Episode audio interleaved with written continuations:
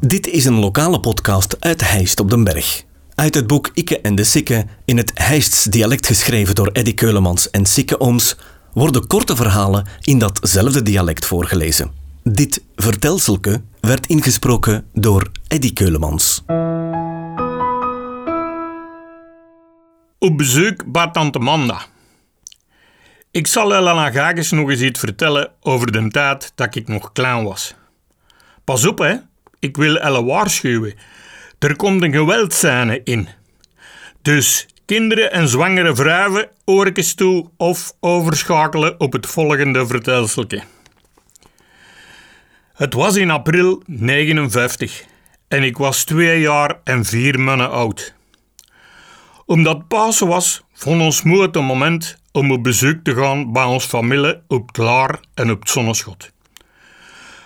We hadden toch geen auto, dus ons moe en onze vrouw pakten elle vlauw en ik weer vastgebonden in het kinderstoeletje achter ons moedere rug.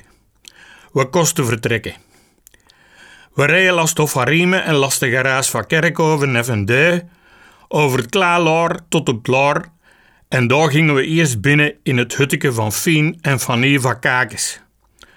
Dat waren twee oude jonge dochters en tantes van mijn grootmoeder. Daarna rijden we vet, de kerk van het Zonneschot, over de route tot in de Mechelbaan, want daar woonde tante Manda. Die was getrouwd met Ran Voens en die had zes kinderen. Ene jongen, de Achille, en vijf meisjes, Angèle, Simon, Liddy, Janine en Rita. Dat was stond een heel enneke achterin. Maar ik paas dat ze ons al van water hadden zien komen. Want bijna heel de bende stond ons boten op te wachten neven de regerpit. En toen begon het zellen. Oh, zie wat voor schoon venke is dan net toch? En zie eens hoe braaf dat dat venke in dat stoelje blijft zitten. Zo'n lief venke hem wel nog nooit niet gezien. En dat bleef maar duren, venke van hier, venke van daar, totdat ik in Jons zei, het venken het tust. Toen begonnen ze allemaal keihard te lachen, want dat was de eerste volzin dat ik er van zijn leven uitgeslagen heb. Dat kwam heel spontaan eruit geflapt, want ik ga echt testelen. Oh ja, ik zat al bijna een half uur achter op die vlauw.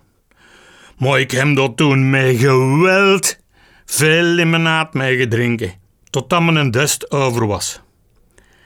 En ik heb deze speciaal geschreven ter nagedachtenis van tante Manda.